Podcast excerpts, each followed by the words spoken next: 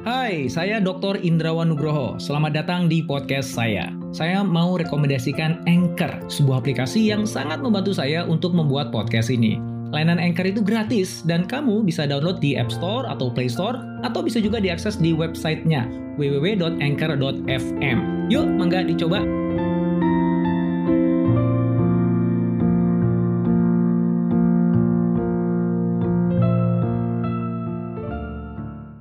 Gara-gara drama Korea startup, istilah sandbox jadi naik daun sekarang.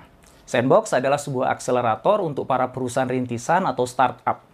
Pertanyaannya, bisakah sandbox itu dijalankan dalam sebuah perusahaan? Sudah banyak sih yang nyoba, hasilnya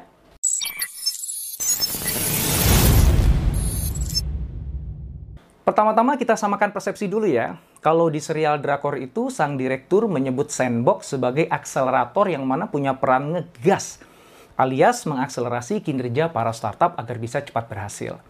Tapi kalau lihat dari apa yang ditampilkan dalam serialnya, kok saya punya pendapat bahwa sandbox di situ lebih cocok disebut inkubator ya daripada akselerator. Loh, emang beda ya? Bedanya di mana sih? Baik, jadi apa bedanya inkubator dan akselerator? Yang namanya inkubator itu ya sebuah tempat atau program menginkubasi sebuah ide inovatif dengan harapan bisa jadi model bisnis yang menguntungkan. Sementara akselerator berfungsi untuk mengakselerasi atau mempercepat pertumbuhan model bisnis yang potensial tersebut. Jadi inkubator itu fokusnya pada menciptakan inovasi, sementara akselerator fokusnya pada scaling up bisnis. Nah, dalam pengalaman saya, biasanya sandbox yang ingin dibangun dalam perusahaan itu lebih ke arah inkubator dibandingkan akselerator. Kembali pada pertanyaannya, bisakah membangun sandbox di dalam sebuah perusahaan besar? Jawabannya bisa aja, tapi kita akan bahas dari bisa aja dulu ya, habis itu kita lanjut ke tapinya. Bisa aja, karena memang terbukti ada perusahaan yang bisa memiliki sandbox dan berhasil. Contohnya adalah Telkom yang berhasil mendirikan Amuba, sebuah sandbox internal yang independen, yang hingga kini berhasil mengikubasi 382 gagasan inovasi dan mengakselerasi 35 bisnis potensial. Yang buat saya kagum adalah Amuba ini dibangun dalam sebuah BUMN yang besar dan tidak bisa dibilang mudah. Dan bisa. Ya, Sayangnya inkubator seperti Amuba ini jarang sekali ada di perusahaan-perusahaan di Indonesia. Kebanyakan inkubasi bisnis di dalam perusahaan itu dibuat dalam bentuk project atau paling banter program. Artinya ada start date, ada juga end date-nya. Nggak seperti Amuba yang sudah jadi institusi sendiri dan tidak punya batasan waktu kapan berakhirnya. Saya bersama tim Cia sudah beberapa kali diminta untuk menjalankan program inkubasi seperti ini di dalam lima tahun terakhir. Bahkan ada satu program inkubasi bisnis di salah satu klien kami yang nama programnya adalah Sandbox. ya, beneran ya.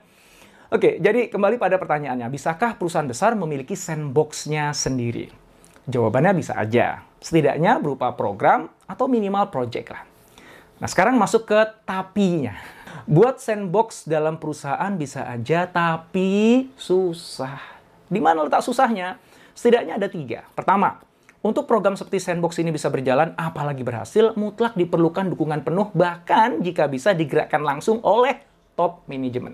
Kalau hanya mengandalkan middle management yang menggerakkan, berat jalannya. Bahkan berpeluang akan terseok-seok hingga akhirnya berhenti. Kenapa begitu?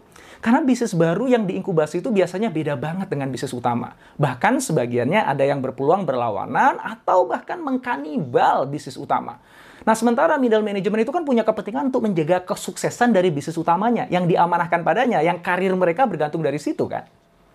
Hai, sebelum kita lanjut podcastnya, kamu sudah pernah dengar Anchor kan? Anchor adalah all-in-one podcast editing platform yang saya gunakan untuk rekaman, edit suara, tambah lagu, dan semua hal dalam pembuatan podcast yang sedang kamu dengerin ini. Anchor bisa membantu kamu bikin podcast kamu sendiri loh. Caranya gampang, tinggal download dari App Store atau Play Store, atau bisa juga diakses di www.anchor.fm. Download Anchor sekarang ya. Oke, yang kedua, anggota tim yang masuk ke dalam program inkubasi sering kali masih terikat pada day-to-day -day job mereka hampir nggak ada yang fully dedicated untuk jalankan program inkubasi bisnisnya. Jadi mereka tuh jalankan tugas inkubasi sebagai part-timer, yang mana jika ternyata dari sisi waktu bentrok dengan tuntutan pekerjaan utama mereka, maka proyek inkubasinya biasanya yang dikalahkan. Bayangin aja ya, seorang founder yang kerjanya 20 jam sehari membangun startupnya aja kemungkinan besar akan gagal. Menurut Anda, seberapa besar sih peluang seorang part-timer yang penghasilannya tidak tergantung pada bisnis yang ia bangun akan punya peluang berhasil? Yang ketiga, katakanlah tim berhasil menetaskan sebuah bisnis baru yang potensial. Terus mau dikemanain tuh bisnis barunya? Seringkali bisnis baru tadi akhirnya dititipkan ke unit bisnis yang ada. Bagaimana menurut Anda nasib mereka? Kira-kira si pimpinan unit bisnis yang dititipkan itu lebih memilih mengalokasikan sumber daya dan perhatiannya ke bisnis titipan atau ke unit bisnisnya sendiri yang karirnya bergantung di situ? Clayton Christensen mengatakan bahwa perusahaan tidak bisa mendisrupsi dirinya sendiri. Ada dua kemungkinan jika si bayi bisnis yang baru menetas itu dititipkan ke unit bisnis yang ada. Yang pertama, dia akan dipeluk dengan sangat kuat sampai nggak bisa napas. Atau yang kedua, diabaikan sehingga akhirnya mati sendiri. Itulah sebabnya eh, kebanyakan program sandbox yang dijalankan perusahaan berakhir sebagai innovation theater aja. Program seru-seruan untuk menunjukkan seolah-olah perusahaan tengah berinovasi. Tapi sebenarnya itu cuma pertunjukan aja. Oke, jadi bagaimana caranya agar program sandbox bisa berhasil di perusahaan? Berdasarkan pengalaman saya dan tim Cias membantu mensukseskan program inkubasi di beragam perusahaan di berbagai industri, saya menyarankan Anda lakukan empat hal ini. Yang pertama, jadikan top management sebagai sandbox champion at all cost. Dari semua program inkubasi yang kami bantu, ketika top management terlibat aktif, bahkan jadi penggerak utama dari programnya, maka peluang keberhasilan program inkubasinya menjadi sangat tinggi. Yang kedua, miliki seorang program shepherd. Shepherd itu kalau dalam bahasa Indonesia artinya penggembala. Dia adalah orang yang bekerja secara full time dan berdedikasi untuk menjaga dan memastikan keberhasilan dari program inkubasi itu. Amuba berhasil karena dedikasi yang luar biasa dari Pak Arif Mustaim yang saat itu VP di Telkom dalam menggerakkan dan mengawalkan program Amuba. Ketika beliau resign dari Telkom, peran itu digantikan oleh sahabat saya Mas Fauzan dan timnya hingga hari ini. Ketiga, masukkan indikator kesuksesan program inkubasi ke dalam KPI setiap stakeholder yang terlibat sesuai dengan perannya masing-masing. Misalnya, KPI anggota tim bisa dimasukkan berapa sih jumlah iterasi solusi yang dilakukan. KPI para mentor dan sponsor dimasukkan metrik yang terkait implementasi ide di dalam sistem existing yang ada. KPI para manajer unit bisnis bisa dimasukkan metrik terkait peningkatan revenue dari bisnis baru yang dititipkan kepada mereka. Kalau mereka masih pakai KPI yang lama, sama seperti sebelum program Sandbox itu ada, wassalam ceritanya.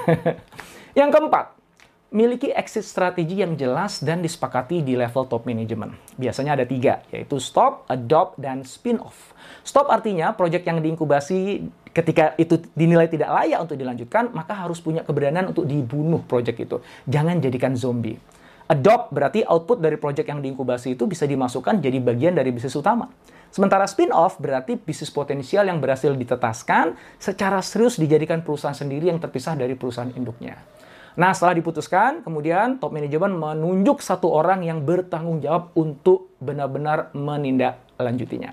Kalau itu dijalankan, insya Allah sandbox itu dapat benar-benar hidup dan akhirnya memberikan kontribusi yang maksimal untuk perusahaan Anda. Semoga manfaat.